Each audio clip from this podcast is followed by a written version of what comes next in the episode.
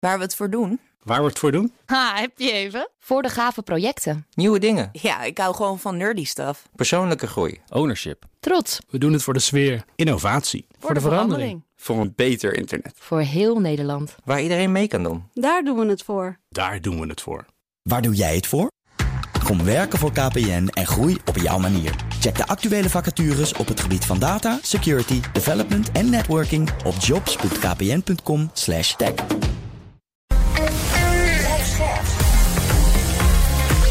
BNR Nieuwsradio. Digitaal. Connor Klerks. Welkom bij BNR Digitaal. Zelfrijdende auto's ontwikkelen zich snel, maar met de komst van die techniek doen we ook weer nieuwe vragen op. Dat bespreken we zo. En de Europese Unie werkt hard aan een digitale identiteitsportemonnee, maar Nederlanders zijn sceptisch. Daarover spreek ik straks met mijn co-host van vandaag, Menno Wij, tech-jurist bij BDO Legal. Menno, welkom. Fijn dat je er bent.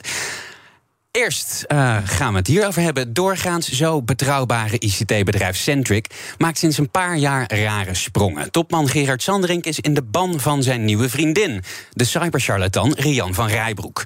Komt het nog wel goed met Sanderink en met zijn miljoenenbedrijf? Angelique Kunst, journalist bij TC Tubantia, schreef er een boek over. Dat boek heet Er is hier, sorry, er is hier maar één de baas. Welkom, Angelique. Goedemiddag. Goedemiddag. Ik heb uw uh, boek gelezen. Dat was uh, bepaald geen straf, kan ik zeggen. Het leest echt als een thriller, terwijl het om uh, non-fictie is, gaat. Ja. Dus dat wilde ik in elk geval even tegen u zeggen. Prachtig boek. Kunt u ons misschien een korte opfrisser geven voor de mensen die niet zoveel Tubantia lezen en misschien het boek nog niet gelezen hebben? Wat is er ook alweer aan de hand met Gerard Sanderink en met zijn bedrijf Centric? Ja, Gerard Sanderink uh, is uh, 73 jaar. Die man heeft in 30 jaar tijd een uh, fantastisch bedrijven-imperium opgebouwd. Centric is daarvan een heel belangrijk onderdeel. Dat is een groot ICT-bedrijf wat veel voor de Nederlandse overheid werkt. En vier jaar geleden leerde Gerard Sanderink een dame kennen die ruim 20 jaar jonger is dan hij, dan hij. Dat is Rian van Rijbroek. Ze ja. komt uit Brabant. En zij beweerde zelf dat ze superhacker en cybersecurity expert was. Nou, dat bleek ze allemaal niet te zijn. Maar ze is wel uh, op een hele lepe manier de afgelopen jaren in zijn hoofd en in zijn computer gekropen. En sindsdien bestuurt ze na, uh, via hem zijn bedrijven. Tenminste, die indruk heb ik heel stellig. Ja. Want ze heeft uh, hem volledig in haar macht. Ja, en een van de eerste programma's waar uh, Rian van Rijbroek als uh, cyber uh, security specialist opdook, dat was hier in huis BNR de Technoloog van Ben van den Burg. En natuurlijk onze eigen Herbert Blankenstein. En dat klonk toen zo. Dat is de Bitcoin blockchain. Dan heb je het over mining en dan heb je het over nee, de proof of work. Ik doe gewoon een transactie. Ik doe ja, gewoon een transactie. dat is de Bitcoin blockchain. Dan heb je het over mining, de proof of work. En dan moet iedereen dat goedkeuren. Ja? Ja, en dat is juist wat het heel erg vertraagt en heel veel energie kost. En dat passen we niet toe in de smart blockchain. Oh. En kan je in twee zinnen uitleggen hoe. nou, sorry, ja, ik moet het zo graag snappen. Ja, Van Rijbroek uh, slaat hier, maar ook in andere media-optredens... best wel een hoop aantoonbare onzin uit. Hoe komt het nou dat ze toch zoveel invloed heeft verworven bij Sanderink? Ja, dat zou ik ook wel willen weten. Maar uh, het scheelt enorm dat uh, meneer Sanderink is weliswaar uh, de baas en de eigenaar van Centric... van een heel groot ICT-bedrijf. meneer Sanderink was vroeger ook heel goed in programmeren, heb ik wel gehoord. Het is ook een hele goede zakenman. Maar de man is wel functioneel digibet. Ja. Um, en dat klinkt heel raar, maar dat is wel zo. Hij kan geen mail versturen, hij weet nauwelijks hoe een uh, mobiele telefoon werkt. Uh, hij kijkt zelden tv, hij leest ook bijna geen boeken. Dus dat hele gedoe rondom Rian van Rijbroek uh, als cybercharlatan bij Nieuwsuur en bij Ben en Herbert. dat is volledig aan hem voorbij gegaan. Die man die heeft helemaal geen idee wie zij is, wie zij was. Um, en alles wat zij digitaal kan, en ze kan best wel wat. Ik bedoel, ja, ze kan ook een mobiele telefoon bedienen en ze heeft wel een, een heel klein beetje verstand van een aantal zaken. Ja, daarvan is hij al gauw onder de indruk, omdat hij zelf eigenlijk niet zoveel weet. Ja, en toch zo'n succesvolle zakenman. Uh, u volgt hem natuurlijk al, al jaren. Wat voor man is Gerard Sanderink nu eigenlijk?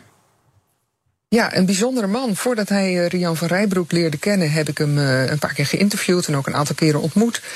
En dat was altijd, uh, altijd leuk. De man had altijd goede verhalen. Hij had een hele aparte kijk op, uh, op het bedrijfsleven, op de Nederlandse overheid, waar hij altijd veel kritiek op had. Maar hij had altijd een goed verhaal. En hij gaf ook eigenlijk altijd goede antwoorden op vragen die je als journalist stelde. Um, en het was gewoon indrukwekkend wat hij heeft bereikt. Want het is een, een boerenzoon uit een heel uh, eenvoudig gezin. In, in, een klein dorpje in Twente. En hij heeft in 30 jaar echt een bedrijvenimperium opgebouwd. Wat uiteindelijk bijna 600 miljoen waard was, volgens de quote. Ja. Uh, dan heb je wel iets gepresteerd. Dus hij is echt bijzonder.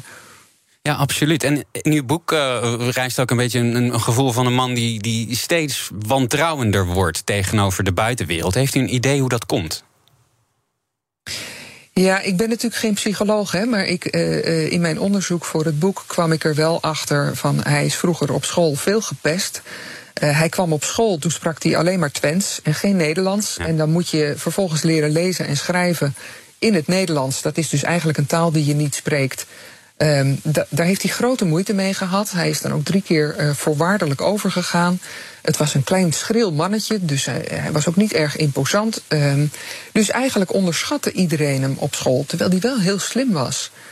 Um, en ik denk dat hij daar, uh, en dat zegt hij zelf ook in interviews, uh, levenslang een soort bewijsdrang aan over heeft gehouden. Hij wil iedereen bewijzen dat hij er wel toe doet, dat hij wel belangrijk is dat hij het allemaal wel kan. Ja, en dat is tot op zekere um, hoogte ontzettend goed gelukt. Hè? Ik bedoel, Centric Structon, dat, dat zakenimperium van hem... Dat, dat was tot voor kort uh, ontzettend gerenommeerd.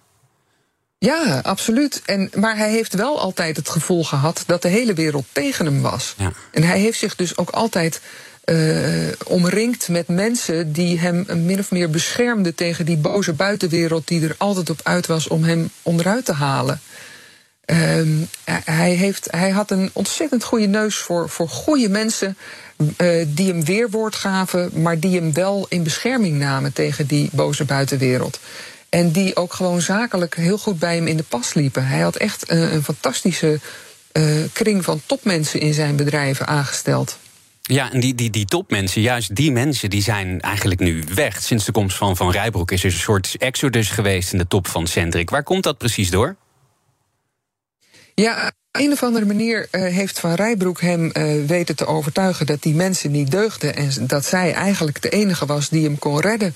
Hoe ze dat gedaan heeft, daar ben ik nog steeds heel nieuwsgierig naar. Ja, maar hij heeft in een jaar tijd heeft hij, heeft hij negen topmensen ontslagen die echt heel belangrijk waren voor Centric. En later heeft hij bij zijn andere bedrijf Structon ook nog allerlei mensen uh, de laan uitgestuurd. En uh, ja, die zijn opgevolgd door mensen. Nou, ik moet je heel eerlijk zeggen dat ik daar geen goede indruk van heb. Dat zijn meelopers en ja-knikkers.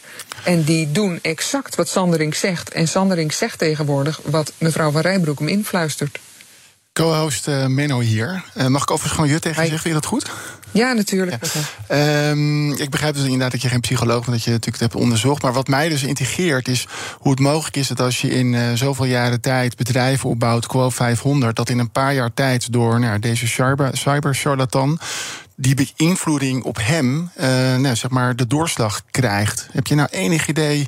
Je zegt ook, dit is een slimme man, uh, hij is succesvol geweest. Maar is dat dan gewoon liefde maakt blind? Moeten we het zo simpel maken? Of zou daar iets anders kunnen spelen?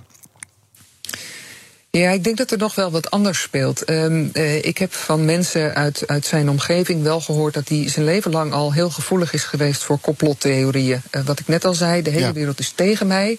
En op de een of andere manier weet zij dat knopje bij hem voortdurend aan te zetten. Uh, zij, zij is ook erg van de complottheorieën. Hè? In de beruchte uitzending van Nieuwsuur uh, probeerde ze de wereld afwijs te maken dat we werden aangevallen uh, door de Russen, de Noord-Koreanen en de Iraniërs. Ja. Nou, dat bleek achteraf helemaal niet waar te zijn.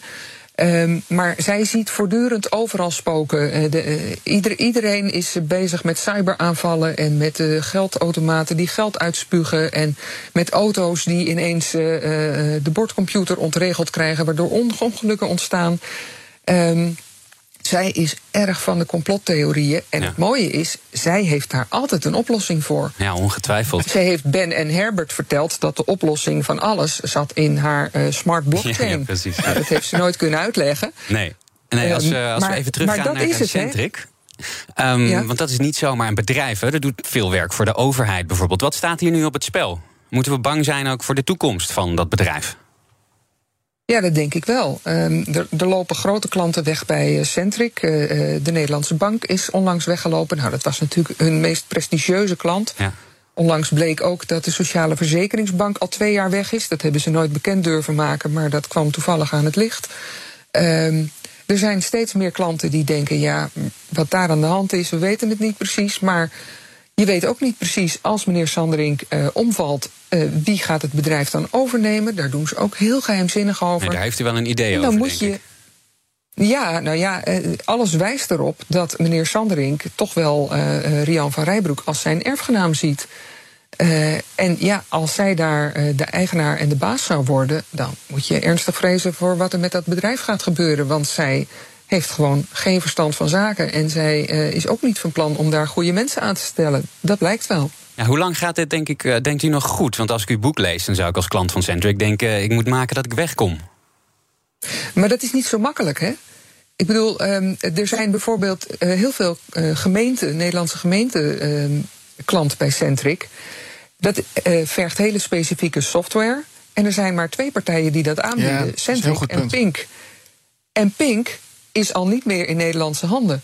Dus mm. je zit als gemeente dan enorm van op het moment dat je bij Centric weggaat, dan ben je dus overgeleverd aan de enige andere partij op de markt. Daar word je ook niet blij van. Je wordt er ook niet blij van dat Centric, eh, ze hebben onlangs hun pensioentak verkocht. Je weet niet of ze nog meer bedrijfsonderdelen gaan uh, verkopen en aan wie dan. Gaan ze dat aan Belgen verkopen, of aan Amerikanen, of aan Russen, of aan Chinezen? Je hebt geen idee. Dat is een ongelooflijk moeilijke situatie. En daarom snap ik ook eigenlijk niet goed dat de overheid er zo laconiek over doet tot nog toe. Ja, de laatste zin van uh, uw epiloog die uh, uh, luidt in het boek... Um, ongetwijfeld, krijg, dit krijgt ongetwijfeld een vervolg. kan ik daarin lezen dat ja. er een vervolg van uw boek komt? Ik moet je zeggen, ik heb al genoeg materiaal uh, verzameld voor uh, hoofdstuk 1 en 2 van het volgende boek. Ja. Maar ik heb geen idee. Het kan natuurlijk morgen afgelopen zijn ja. als ja, als er rare dingen gebeuren. Maar ik vrees dat dit nog wel een paar jaar gaat duren. Dankjewel, Angelique Kunst, journalist bij TC Tubantia... en auteur van het boek Er is hier maar één de baas. Is het overal verkrijgbaar? Ja, het is overal verkrijgbaar. Bij de Bruna, bij de erkende boekhandel, online. Uh, je kunt het overal kopen. Heel goed, dank u wel. Conor Klerks. Wachtwoorden die kunnen binnenkort wel eens verleden tijd zijn. Apple, Microsoft en Google werken namelijk aan de implementatie van het FIDO-protocol. Dat een nieuwe, veilige manier van inloggen moet mogelijk maken. Daarover praten we met Thijs Hofmans, redacteur Security en Privacy bij Tweakers. Welkom Thijs, uh, leuk dat je er bent. Wij Hoi. kennen elkaar van vroeger, dus ik ga gewoon je zeggen als je het goed vindt. Heel graag. En mijn co-host uh, is er natuurlijk ook, uh, Menno Wij, techjurist ja. bij BDO. Thijs, wachtwoorden zelf altijd een beetje irritant gevonden. Het bijhouden, het vervangen, hoe je ze moet opslaan, of dat veilig is of niet. Is dit nou een fijne stap, een welkome stap van die grote techbedrijven? Ja, absoluut. Um, of het fijner wordt, dat, uh, dat moeten we nog maar zien. Want ja. dit gaat heel erg afhangen van hoe dat in de praktijk gaat vormgeven. Daar weten we op dit moment nog niet zo heel veel van. Maar het feit dat de manier waarop wij wachtwoorden nu gebruiken gaat veranderen, dat is, uh, dat is een goede stap. Want uh, daarvan weet iedereen ook wel van dat, dat moet anders. Mm. Alleen de vraag is ja. hoe. Ja, en waarom willen de bedrijven dit? Ja, die bedrijven die, die hebben eigenlijk zoiets van. die snappen ook wel dat wachtwoorden in hun huidige vorm uh, hun langste tijd hebben gehad. Kijk, een, een wachtwoord in combinatie met een gebruikersnaam. in een vacuüm is dat best wel een goed systeem. Het is net complex genoeg dat het veilig is, maar het is makkelijk genoeg dat jij, ik, mijn moeder, iedereen kan dit gebruiken. Um, Alleen de manier waarop wij op dit moment wachtwoorden hebben ingedeeld, namelijk met al die honderden, misschien wel duizenden accounts die wij hebben, ja. uh, dat werkt gewoon niet meer. En dat zien we door al die datalekken waarvan je iedere week wel iets krijgt. Dat, dat, dat is gewoon een achterhaald systeem. Ja, plus we gebruiken ook nog steeds voor de hand liggende wachtwoorden. Ik bedoel, welkom 01. Dat ben ik van overtuigd precies. dat mensen die nog steeds gebruiken. Ja, dat, dat is inderdaad het probleem. En dat komt weer omdat we overal worden geacht een wachtwoord. Te, te, hebben. En het liefst zegt iedereen dan: ja, moet je overal een apart wachtwoord voor gebruiken. Maar ja, een apart wachtwoord voor die honderden diensten, dat is weer niet te doen. Dan moet je weer tooltjes gaan gebruiken, zoals wachtwoordmanagers, of je schrijft het op in een boekje. Dat doet ook weer niemand. En dit, dit is heel diffuus en het loopt allemaal door elkaar. En Iedereen gebruikt wachtwoorden. Als je op internet zit, dan, dan gebruik je op de een of andere manier een wachtwoord. Ja. Dus je moet iets gaan bedenken wat voor al die miljoenen of miljarden mensen eigenlijk net zo makkelijk werkt. Ja, en de, de oplossing in dit geval uh, moet dan het uh, FIDO of FIDO-protocol uh, moeten gaan zijn. Wat, wat, is dat precies? Hoe werkt dat? Je moet het eigenlijk zo zien dat um, de grote drie grote techbedrijven, dus Google, Apple en Microsoft, die hebben gezegd dat ze dat gaan implementeren in hun browsers, dus in Chrome, Edge, um, Safari en in de besturingssystemen, dus in, in iOS, Android, maar ook macOS en Windows. Ja dan heb je praktisch alle besturingssystemen en software die je dagelijks heel veel gebruikt, die heb je dan al gecoverd. Dat is voor iedereen. En haal je ook nog een beetje gebruikers naar je toe, toch? Als je het in je internetbrowser zit. Uh, als het eventjes mee zit. Dat is echt niet 100% altruïstisch natuurlijk. Dat klopt. Um, en het idee is straks dat in plaats van een wachtwoord, dus iets wat jij moet, moet weten of moet onthouden of ergens moet opslaan of zo, dat het apparaat dat jij op dat moment gebruikt, eigenlijk die functie overneemt. Ja zodat je er niks meer aan hoeft te doen. Dus dan moet ik me voorstellen, ik heb een iPhone, dan open ik een appje, een Fido-app of zo. En uh, daarin kan ik dan toestemming geven? Of? Ja, dat, dat is in principe hoe het werkt. Android-luisteraars die zullen dit misschien wel kennen. Op het moment dat je uh, op de desktop wel eens inlogt op uh, je Gmail-account, dan krijg je op je telefoon krijg je dan zo'n zo'n zo'n prompt van Google. En die zegt: Klopt het dat jij wil inloggen? Ja, en dan druk je op ja. ja. Um, ik zal het cryptografische gedeelte eventjes achterwege laten. Maar het komt er eigenlijk op neer dat er een, een stukje dat. dat dat er een stukje beveiliging ergens wordt afgezonderd op een, op een chip. En dat dat stukje beveiliging fungeert als straks jouw wachtwoord. Maar is dat dan ook wel veel veiliger? Uiteindelijk wel, ja. Maar waarom dan? Want dan denk ik, uh, dit is toch veel. Je logt makkelijker in, want het wordt makkelijker, is de indruk die ik van je krijg. Ja. Maar dan is toch ook juist misbruik weer makkelijker? Ja, als je, als je het hebt over wachtwoorden, kun je het in principe opdelen in, in, uh, in twee dingen. Je kunt een wachtwoord gebruiken als iets dat je weet, ja. of iets dat je kent, bijvoorbeeld een wachtwoord dat je moet onthouden, of iets dat je hebt. En iets dat jij weet, dat kan geraden worden door iedereen op de hele wereld. Alle 7 miljard mensen kunnen dat in principe proberen dat te raden. Op het moment dat het iets is wat jij hebt, namelijk de telefoon die je op dat moment in je hand hebt. Mm -hmm. Wij zitten nu met z'n drieën in een studio. Wij drieën zouden daar misschien iets mee kunnen. Maar daarbuiten niet. Buiten deze studio kan daar niks meer mee. Maar wat als ik hier zo wegloop en ik laat mijn telefoon liggen? Ja, kijk, het 100% veiligheid ga je nooit krijgen. Mm. Ook niet met dit systeem. Maar de manier waarop dat beveiligd wordt... dat is wel een stuk praktischer... Okay. dan ja. dat al die wachtwoorden straks op straat liggen. Voor nee, ik kan me ook voorstellen dat dat uh, op het moment... dat je dat op een iPhone of een Android-toestel uh, gebruikt... dat dan bijvoorbeeld een biometrische scan nog wordt, uh, wordt gedraaid. Inderdaad, ja. ja. En dat kun je dan weer een beetje vergelijken... met hoe we op dit moment ook nog een extra sms'je krijgen ja. van ja. de bank. Ja. Als je inlogt. Die, die twee-staps-verificatie, dat kun je daaraan toevoegen, inderdaad. Ja. Ja. En die grote techbedrijven die werken niet zo snel samen. Waarom nu wel? Omdat ze uiteindelijk weten dat op de lange termijn dat beveiliging, goede beveiliging van hun software, dat dat, uh, dat, dat gewoon goed werkt. En het werkt dus averechts als jij als bedrijf in je eentje gaat zeggen: wij hebben iets bedacht en de rest moet daar maar achteraan lopen. Dat doet niemand. Dat, je hebt er niks aan om te gaan concurreren met elkaar, want dan, ja, dat, dat werkt voor, voor niemand echt goed. Dat is hetzelfde als stel dat jij en ik samen dadelijk morgen een start-up gaan beginnen. Mhm. Lijkt me superleuk trouwens. Zeker. Uh, maar stel dat we dat zouden gaan doen. En we zeggen van wij hebben een supergoeie manier om uh, wachtwoorden te vervangen. Maar dan moet wel iedereen ter wereld met ons mee gaan doen. Ja, dat gaat niet gebeuren. Mhm. Dat gaat alleen gebeuren op het moment dat je iedereen meekrijgt. En zodra Google, Facebook, uh, Google, Apple en Microsoft dat gaan doen. Dan heb je wel iedereen, uh, schat ik zo in. Ja, 99% van de wereld die ja. iets met computers doet, die krijg Ja. je dan wel mee. Ja. Ja. Nou wil ik niet de azijnpisser zijn, maar dat vind ik nou juist. Hè. Stel dat jullie die start-up zouden doen. Uh, graag bereid om nog wat advies te verlenen hier en daar, maar dat terzijde. Uh, je kunt dus nu die markt ook niet meer opkomen. Als deze drie partijen zeggen wij hebben een oplossing voor inloggen, dan komt daar denk ik ook echt geen enkele andere partij meer tussen. Maar goed. Nou, Misschien weer een wat, beetje zij nu proberen is, wat zij nu proberen is uh, niet om iets te maken wat zij met z'n drieën doen, maar ze, ze ondersteunen en Ja, ze implementeren een bestaande open standaard die iedereen kan gaan gebruiken. Betekent dat ook dat er niet bijvoorbeeld één partij is die, uh, al- die dat beheert en die bijvoorbeeld aangevallen zou kunnen worden? Ja, klopt. Door, Klopt. Dus, dit, is, dit is een internetstandaard. En dat, dat moet je Mm. echt zien als gewoon eh, een manier waarop dit kan worden geïmplementeerd. En dat Google en Apple en Microsoft dit gaan doen, dat Ja. zijn maar drie van de bedrijven die dat doen. Maar iedereen kan dat in principe. Ja, we hadden het net al over die, die prompt die je krijgt van, van Google. Hè. Als ik hier op mijn browser inlog in Chrome en ik zet synchronisatie aan, dan krijg ik ook op mijn iPhone zo'n pop-upje. Ben ik dat echt? In hoeverre verschilt dat van, uh, van Fido? Ja, ik denk dat dat. Um echt gaat afhangen van hoe de implementatie straks gaat, uh, uh, eruit gaat zien. Um, je kunt het bijvoorbeeld ook, volgens mij wordt dit ook al gebruikt bij Windows Hello. als jij eh, nu al inlogt op Windows met, eh, met eh, biometrie, dan, dan zit daar volgens mij ook al die FIDO-standaard achter uit mijn hoofd. Ehm, moet ik overigens bij zeggen dat die wereld van die standaarden die is, die is behoorlijk ingewikkeld. Dus ik heb Ik, snel ik heb niet voor ogen. Twitter maar- zien worstelen inderdaad. Oh, dat is met verschrikkelijk. hoeveel, Ja, het is verschrikkelijk, want je hebt ook nog webauto. Ik, het- ook daar zal ik je niet mee vervelen. Maar het, het komt er in principe op neer dat ehm, je hebt de standaard die schrijft voor van dit, dit kun je gebruiken. Zo werkt het ongeveer. Maar hoe het er daadwerkelijk in de praktijk uit gaat zien, dat zal per bedrijf gaan verschillen. Op, op, op een iPhone zal dat heel anders zijn dan op Android. En op de desktop weer heel anders dan op mobiele telefoons, in een browser. Dat, daar gaat verschil tussen zitten. We gaan, als het goed is, ergens dit jaar zien hoe dat eruit gaat zien. Hmm. Ik weet niet of, eh, of, of, of je hier antwoord op hebt hoor. Maar eh, wat vinden ze hier, denk je, in, eh, in Brussel van? Ik, ik geloof dat er heel weinig controle is op, eh, op inlogstandaarden met, eh, met, met wachtwoorden bijvoorbeeld. Maar ik kan me ook voorstellen, zeker wat jij net zegt, Menno, als, als, als die drie grote partijen samen gaan eh, werken, dat er toch hier en daar wat alarmbelletjes afgaan. Op het moment dat zij een commercieel product zouden gaan aanbieden daaromheen, dan, ja, dan wordt dat een ander verhaal. Maar ehm, als je kijkt naar de manier al dat beveiliging wordt toegevoegd, en zeker individuele beveiliging van gebruikers, ik denk dat Europa dat ook alleen maar toe kan juichen. Ja, plus Connor, als het natuurlijk gewoon een open standaard is, dat wist ik dus niet. Dus sorry, vandaar de vragen. Maar als het een open standaard is, kijk ik er ook wel eh, weer iets anders tegenaan. Dan ben ik wat minder die azijnpisser. Nou, het is eigenlijk allemaal heel goed nieuws voor ons.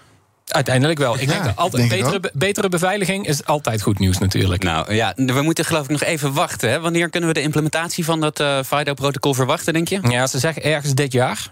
Ah, Ehm, dus ja, dat vond, vond ik ook vrij snel inderdaad. Maar eh, vergeet ook niet, Google en eh, de andere bedrijven ook, die, die experimenteren hier ook al wel mee. Dat is niet alsof dit uit de lucht komt vallen. Die zijn hier al lang mee bezig. Het wordt gewoon de vraag van hoe ga je dit implementeren op miljarden apparaten en stukken software. Dat Maar is dan dus eind dit jaar realistisch met zeg maar, de kennis en de achtergrond die jij hebt? Of is dat meer dat zij ons wel- blij willen maken en dat reëel gezien Nee, wel een jaartje denk- verder rollen? Ik denk dat dan dat, dat dit jaar dat je wel de eerste implementaties gaat zien. Ja, ergens, ergens linksom of rechtsom. Nou, top. Als het helemaal mis eh, gaat, dan spreken we elkaar ongetwijfeld weer. Dankjewel, Thijs Hofmans, redacteur Security en Privacy bij Tweakers. Graag gedaan. Zometeen gaan we het hebben over autonoom rijden. Hoe staat het met de zelfrijdende auto? En wat mag er nou wel en wat mag er niet? En ook Nederlanders maken zich zorgen over de komst van de digitale EU-wallet. Dat is een verzamelplek voor al je persoonsgegevens. Hoe gaat die app eruit zien? En zijn die zorgen gegrond? Tot zo.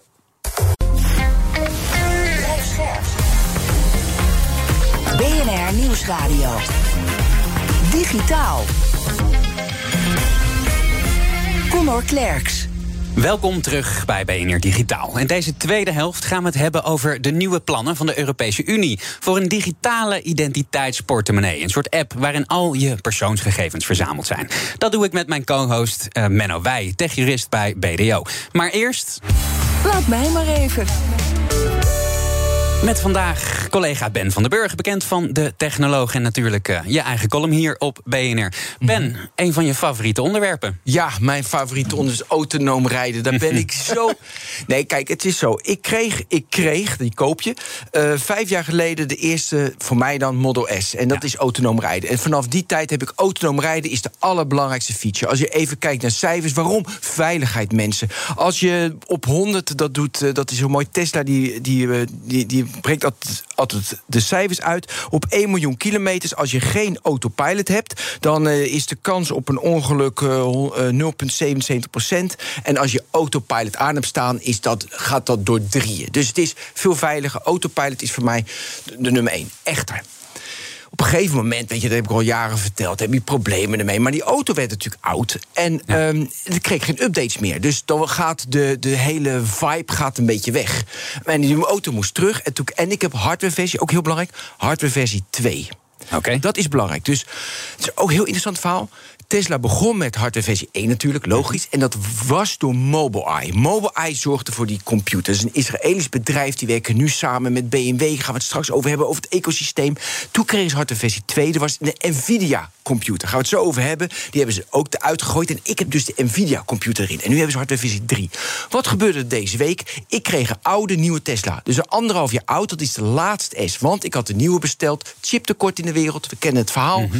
Tesla kan ook niet leveren. Ik wacht nu al anderhalf jaar op een auto, dus ik kreeg een oude, nieuwe auto. Dus de laatste Model S, die nog het oude model is... maar met hardware versie 3. De nieuwe Tesla-chip. Dus ik reed voor het eerst, niet chip, computer. Die eh, computer is tien keer sneller en dan zeggen ze van...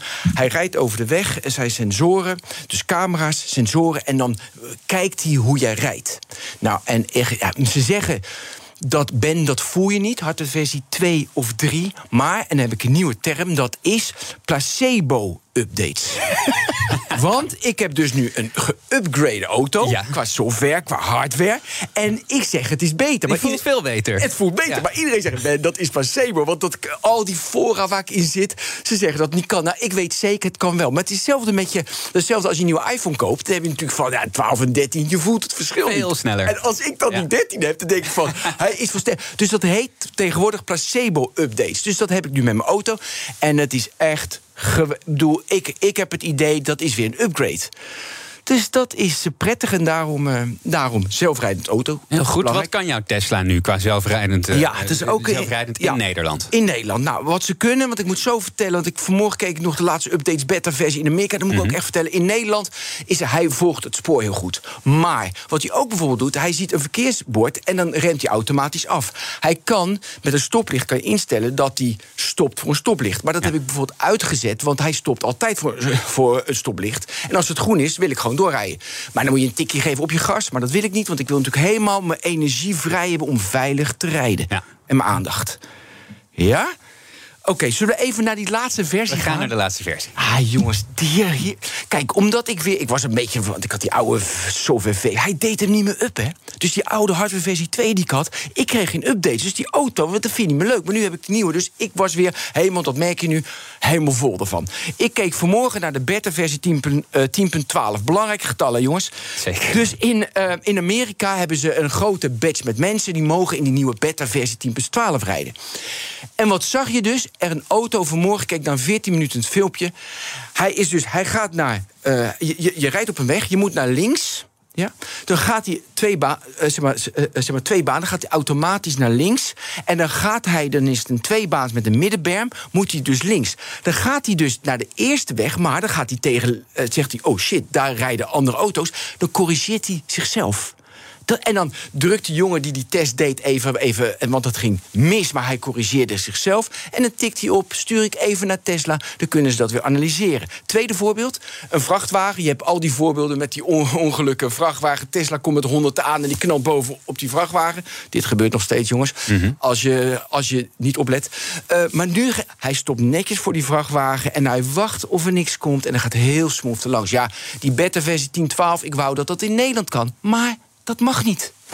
En dat gaat nog wel even duren, denk ik, voordat dat mag. Als dat überhaupt. zo Nu komt Menno erbij. ja, nee, we zitten met die regelgeving. Wat er interessant is, in Amerika gooien ze, niet gooien ze, brengen ze een auto op de weg. En Musk heeft gisteren nog gezegd: jongens, ik ga alle, alle, eh, de- alle rechtszaken ga ik gewoon aan. In Amerika zeggen eerst op de weg, ik ga de rechtszaken aan en dan kijken we of het mag of niet. In Europa zeggen ze: een auto moet kloppen, moet helemaal RDW goedgekeurd zijn. En dan mag die pas op de weg. En daardoor kan mijn. Oh, hij kan technisch veel meer, Ja. maar hij mag dus veel minder. Menno, doe er wat aan. Bewerk de Europese Unie dat we eerst die auto's op de weg doen. En dan gaan procederen of het veilig was of niet. Menno. Ja, ik snap je punt. Eh, aan de andere kant, eh, nou, even een ander voorbeeld. Hè. Als Google bedenkt, ik ga alle boeken digitaal op het internet gooien. Dat mag ook niet zomaar, maar daar zit denk ik wat minder risico aan. Nee, maar daarom zeg ik het dus bewust. Eh, want ik denk dat het probleem hier is dat er wel al dan niet terecht koudwatervrees is over. We praten hier, je zegt het zelf ook, het gaat om veiligheid. Eh, en als er dan regels zijn, al dan niet in Nederland of in Europa, over dit, hè, hier moet dit product aan voldoen. Ja, dan zou ik het niet zo gek vinden. Ik zeg, dat moeten we dan wel met z'n allen regelen. En daarna kan je, en niet andersom. Nou, we gaan gewoon met dat ding de weg op. Als Ben zegt dat het allemaal veilig is, ik geloof je graag. Maar de vraag is even, ja, hoe, hoe zeg maar, representatief is die mening? Nee, nee, want uit, eh, uit die cijfers blijkt dus dat het veiliger is. Nee, maar ik geloof direct, hè. Dus eh, ik geloof direct dat hè, die, mensen die eh, ongeluk met die factor 3 omlaag gaat. Omdat software gewoon minder fouten maakt dan Ik weet mensen. dat maar- het genuanceerd eh, eh, weet je, zit. Maar ik, weet je, ik vind die veiligheid is belangrijk. En daardoor denk ik van iets progressiever in Europa. En dan heb je nu in Engeland, weet je, dat is lachen. Dit is ook echt goed. Ik heb gisteren gisteren, want een collega die wilde die EQS kopen. Dat is die Mercedes 450 Mercedes, Plus. ja. Weet je, 120.000 euro, veel te duur die auto. Belachelijk dat je dat voor soort dingen wil- kopen. Maar wij gingen dus testrijden in een EQS. En EQS, we hebben levels hè, eh, eh, in autonoom rijden. Tesla doet er trouwens niet aan mee. En eh, level 3 is zeg maar, hij doet alles zelf. Dat is wat je zag, wat ik net beschreef in San Francisco met die Tesla. Maar je moet verplicht op blijven letten. Level 4 kan je al minder doen. En Elon Musk zegt volgend jaar, maar dat roept hij al vijf jaar. Level 5 is gewoon slapen. Oké, level 3. Nu in Engeland zeggen ze dat je tv mag kijken. Nieuwe wet, Menno. Dat je tv mag kijken in je auto. In de EQS. Dus ik heb gisteren gisteren die proefrit gedaan in die EQS. Nou, In Engeland of hier? Nee, hier. Ik heb echt in een deuk gelegen. Want ik vertelde net, een Tesla die remt af als hij een bord ziet, 50. Nee, die EQS die rijdt gewoon met 80 dwars door het dorp heen. Want hij staat op 80 ingesteld. Die auto is... Sorry, sorry Mercedes, maar die level 3, het is het niet. Het is minder veilig. Hij zoekt meer de weg. Dus het is leuk autonoom rijden, maar die zijn nog niet zo ver. Welke hardware gebruiken ze? Nvidia. Maar wel in combinatie. Dus het is ook zo leuk. Wie zijn de spelers? Eh, ik, noem, ik noemde Mobileye al. Ik noemde Nvidia al. En het interessante is, vergelijk het weer met je mobiele telefoon. Tesla probeert die hele verticale integratie van software, hardware helemaal aan te laten sluiten. En de traditionele autobedrijven die kopen dan gewoon apart opnieuw bij Nvidia zo'n heel platform van autonoom rijden. Even tussendoor, want ja, ik heb hier kan natuurlijk uren over lullen. Eh, Tesla gaat. eh Elon Musk heeft gezegd: nu wil ik het nog niet voor derde openbaar maken. Zei hij ook gisteren. Maar aan het eind van het jaar, als het allemaal goed is, wellicht wel. Maar, ik- maar hij zegt wel meer dingen die niet kloppen. Waarom zou je dit niet... eh, eh, we hadden het net over Fido met Thijs. het gaat om veiligheid en dan gaan die grote bedrijven samenwerken. Waarom zou je dit niet open source doen? Ehm, nou ja, er wordt ook gestolen. Het- omdat het natuurlijk ook. Kijk, Elon Musk zegt heel veel is open source bij hem. Maar ook heel veel dingen, ja, daar zit toch waarde. Weet je, want uit autonoom rijden is natuurlijk een biljoen, biljoen, biljoen, biljoen dollar industrie. En ja, dat. Ja, dat wil hij dan toch. Ja, hey, hij moet ook Twitter kunnen kopen. Ja, dat is heel belangrijk. Je moet, ja, je moet, hij heeft heel veel hobby's. Nee, zijn hobby's zijn bedrijven maken. Eh, dus ja, nee, dat is toch. Dat doet hij nog. Hij zegt het vaak wel, maar dat doet hij uiteindelijk niet.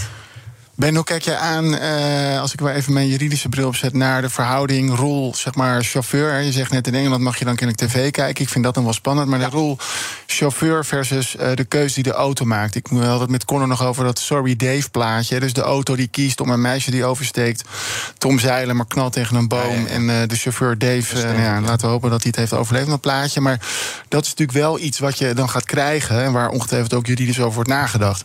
Letterlijk, letterlijk dit is dit in het interview met Elon Musk gisteren eh, aan de orde gekomen. Nu ben jij als chauffeur verantwoordelijk, level 3 zelfs ook nog verantwoordelijk. verantwoordelijk ja, ver- verantwoordelijk. Hij denkt dat uiteindelijk de auto bij level 5 verantwoordelijk wordt. Dus de, ma- de, de manufacturer wordt verantwoordelijk. De software wordt verantwoordelijk, want hij levert dat. En hij zegt: Ik ga graag alle rechtszaken aan.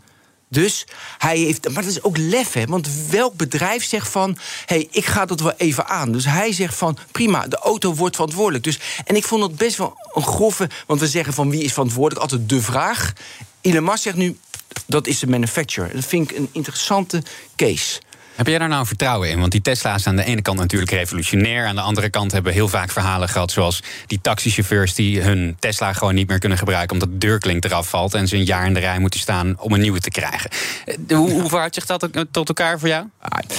Kijk, als je kijkt echt autonoom rijden, zeggen de, de andere experts, Elon Musk is natuurlijk veel te, veel te opportunistisch. Echt, level 5 is in 2080, weet je, of het gaat nooit gebeuren. Ja, ik dus kan daar me, ben ik ik kan me herinneren in de jaren negentig, toen ik een klein jochie was, ik zat Discovery Channel te kijken, toen ging het hier al over. En eigenlijk over dezelfde techniek hè, van baan wisselen en later toch, helemaal. Hoe ver we nu al zijn, dat vind ik toch positief. Regelgeving houdt het tegen. Dus ik denk dat we verder zijn als we willen, dan we uiteindelijk denken te zijn. Dus dat is positief. Ehm, de, en maar even van, weet je wat je belangrijk vindt in de ontwikkeling? Als ik nog tijd heb, wil ik dit voorbeeld nog geven. Kijk, naar mijn idee moet een, een, een zeg maar, dat vergelijk ik met de EQS waar ik mee mocht rijden. Mhm. Die heeft een stoel, eh, weet je wel, dat ik gemasseerd word in mijn stoel. Met heating in mijn hoofd en eh, koeling in mijn, in mijn onderrug. En eh, 73 kleuren, weet je, allemaal fantastisch. En dan vraag jij je af, ja Ben, is dat de kern van van A naar B gaan? Ja, is heel belangrijk, want je moet je ontspannen. De mijne is de kern zo veilig mogelijk, dus autonoom. Dus waarom is de tijd, energie, liefde, aandacht niet gegaan naar autonoom rijden bij Mercedes bijvoorbeeld. Of BMW, noem ze allemaal maar op. Hè. Ik wil zeker die Mercedes-bestje. En is het niet gegaan naar autonoom rijden? Dat is natuurlijk de vraag. En dat doen ze vaak ook omdat autonoom moeilijker is. Dus dan doe je maar andere features erin. En dat kan je ook weer vergelijken met eh, apps op je mobiel eh, op je mobiele telefoon. Heel vaak zijn apps die zijn onzin. Maar door bijvoorbeeld een fart-app die we allemaal kennen van vroeger, gingen mensen wel, gingen ze, hey, we gaan hem downloaden, want het is lachen. Ik ga voor het eerst touch heel goed gebruiken, want het is lachen. Ik zet mijn geluid aan, want dat is lachen. Dus je gaat door een simpele feature ook weer anders nadenken over vervoer, rijden en hoe je daarin staat. Dus dan zeg ik van, ik vind het niet belangrijk, maar uiteindelijk. Maar Tesla zal daar toch wel in meegaan? Die Oh, zal toch die- uiteindelijk ook wel zorgen dat je lekker gemasseerd wordt. Nee, die hebben eh. ook die vaart-app en die hebben ook games. En die krijgen ook ook interessant. Aparte update van je autosoftware, autonoom rijden. En een aparte game-update. Dat, dat je, dus games is een heel apart eh, zeg maar softwarepakket die je apart kan updaten. Dat vind ik ook zo briljant. Dat zou hetzelfde hetzelfde als een app updaten op je telefoon. Mhm. Eh, wil je nog meer weten? of gaan we nu maar stoppen? hè? We moeten niet op, op een gegeven moment gaan stoppen. Ik, ja, is goed. Gaan we wel bij, Europese blijf er nog heel even bij. Maar eh, Digitaal. we gaan het nu even hebben over de nieuwe digitale EU-wallet. Want de Europese Unie wil alle persoonsgegevens van haar burgers bundelen in één app. Maar uit onderzoek van Panel Wizard blijkt dat twee derde van de ondervraagde Nederlanders zich zorgen maakt over de komst van deze digitale wallet. Menno, wat voor plan hebben ze nu met die app eigenlijk? Ja, het is een beetje, je zegt het al helemaal. Het zijn twee dingen. Het is een, eh, zeg maar een soort van EU-identiteit. Wat ik dan maar even als een eh DigiD zie, maar dan in heel Europa. En niet alleen eh burger-overheid, maar nou, hè, dat ik ook bij bol.com of KLM een ticket kan kopen. Maar het wordt ook een verzamelplaats, een soort van ja, digitale plek. Waarin ik mijn paspoort, mijn rijbewijs en andere middelen van identificatie kan bewaren. En de gedachte is, en die vind ik wel heel sympathiek... eh, ik ben meer in controle over wie ik toegang tot mijn gegevens geef... in plaats van dat het nu her en der overal verspreid in apps... en eh, weet ik wat allemaal zit. Ja, ja dus En bijvoorbeeld idee nooit meer een wat van mij weet. van jouw eh, paspoort voor iets waar ze eigenlijk helemaal... Ze, ze hoeven jouw BSN helemaal niet te hebben, maar wel andere informatie. En dat kun je dan een beetje afschermen. Ja, ja, exact. En dat verbaast me dan in die zin een beetje over dat onderzoek. ehm, hè, waarin dus kennelijk nou ja, koudwaardvrees en zorg Ja. is over eh, dit initiatief. Want eh, nou, je gaf wat voorbeeld, hè, het gemak waarin we met een kopietje paspoort in hotel en alles eh, dat gewoon maar doen. Of dat kopietje vrolijk via de telefoon over nou, communicatieverkeer, WhatsApp, noem maar op, met elkaar delen. Daar horen en zie ik dan weer niet zoveel over. Maar dan komt er iets om uiteindelijk hè, met als bedoeling meer in controle over welke gegevens en alleen die noodzakelijk zijn, precies wat je zegt. Eh, dan ja, nee, eh, privacy en dan vind ik het weer eng en spannend. Dat vond ik een beetje dubbel in dat onderzoek. Ja, misschien eh, heeft het wel met, met, met, de, met de coronacrisis te maken... waar we toch best wel mensen wat, wat huiverig waren over overheidsapps. Daar kan ik me wel iets bij voorstellen. Ja, zeker. Dat kan. By the way, deze EU Wallet, dit initiatief, is ook mede geïnspireerd door corona, het coronapaspoort. Dus daar zit wel degelijk een verband. Maar het zou heel goed kunnen dat we daarmee nou ja, wat aversie hebben gecreëerd richting overheden. Maar nogmaals, ik vind het wel een sympathiek voorstel. Ja, want in principe hebben die overheden toch al lang toegang tot deze data. Dat is toch niet echt nieuw?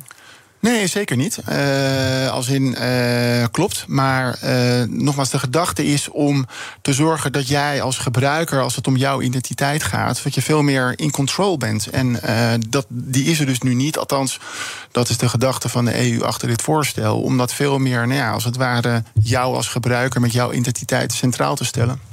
Ja, er waren wat, eh, wat zorgen, bijvoorbeeld eh, van de European Data Protection Board en de European Data Protection Supervisor. Wat zeggen die waakhonden hierover? Ja, even voor de duidelijkheid, dat is een rapport wat ziet op een andere wet, hè, de EU Data Act. Dus Ja. dat is nou, heel kort gezegd een plan om zeg maar, de eh, wisseling, uitwisseling van gegevens in Europa wat meer te kunnen stroomlijnen, met name door overheden. En het, een van de kritiekpunten is dus exact dat punt. Dat nou ja, Big Brother is watching you. hè, de, ja, de onbalans tussen burger en overheid Dat wordt in uh, die joint opinion, die gezamenlijke opinie, benadrukt. En ik denk wel dat je dat kunt verleggen naar ook weer dus die EU-wallet plannen. dat er op uh, nou ja, een app, hè, want dat is wel de bedoeling. Dus in één app centraal heel veel gegevens zitten van nou ja, mijn identiteit, plus mijn enige unieke Europese identiteitsnummer.